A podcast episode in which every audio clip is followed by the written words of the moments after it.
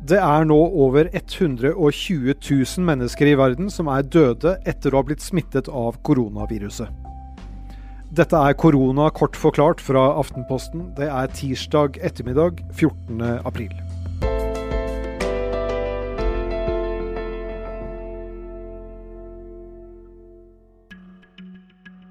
I Norge er 138 personer døde av koronaviruset. Samtidig er det stadig færre som er innlagt på sykehus med covid-19. I Russland har president Vladimir Putin bedt myndighetene forberede seg på et worst case-scenario.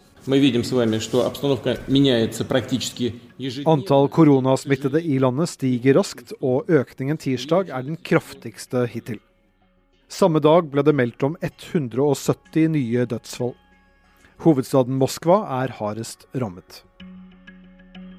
De neste ukene skal norske barnehager åpnes. Det skal også skolene for elever fra første til fjerde klasse. Men i Oslo, som er hardest rammet av viruset, kan det ta litt lengre tid. Tirsdag sa byrådsleder i hovedstaden, Raimond Johansen fra Arbeiderpartiet, til TV 2 at han ønsker å vente litt lenger i deler av Oslo. Han vil komme tilbake til dette etter de nasjonale føringene som kommer på torsdag. I dag går 22 forskere i Sverige hardt ut mot svenske myndigheters håndtering av viruset.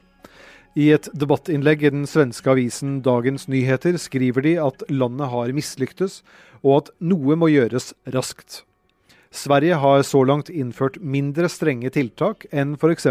Danmark og Norge. Kollega Anders Weberg, hva er det disse forskerne ber om? Altså, disse forskerne de advarer om at dødstallet i Sverige stiger ganske raskt.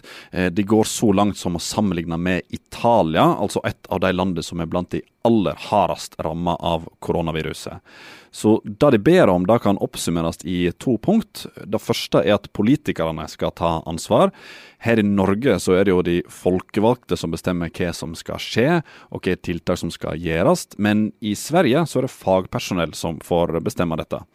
Og som mange sikkert eh, kjenner til, så har jo Sverige latt både skoler og restauranter holde åpent gjennom dette her. Og Det tar oss videre til punkt to. Eh, for å unngå at situasjonen blir enda verre, så ber disse forskerne om flere inngripende tiltak, eh, mange som vi kan kjenne igjen fra her hjemme. De ber bl.a. om at skoler og restauranter skal stenges, og at alle som jobber med eldre skal få smittevernutstyr, og så vil de ha massetesting i landet. Men eh, Anders, hvorfor kommer dette nå?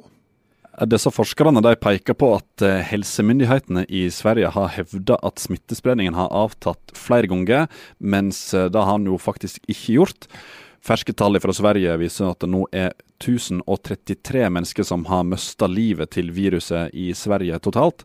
Det er fortsatt ikke like dramatisk som f.eks.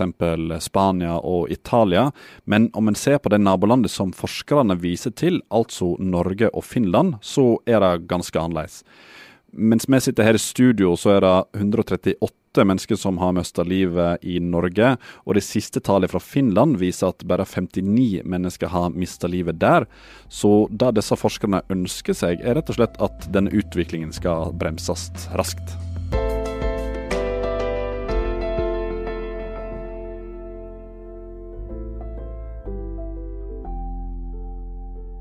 Det her var korona kort forklart. Vi gir deg de viktigste nyhetene om koronaviruset de ettermiddagene det er noe nytt å fortelle. Jeg heter Kristoffer Rønneberg, og hvis du har spørsmål eller tilbakemeldinger, er det lettest å nå oss på Facebook-siden Forklart.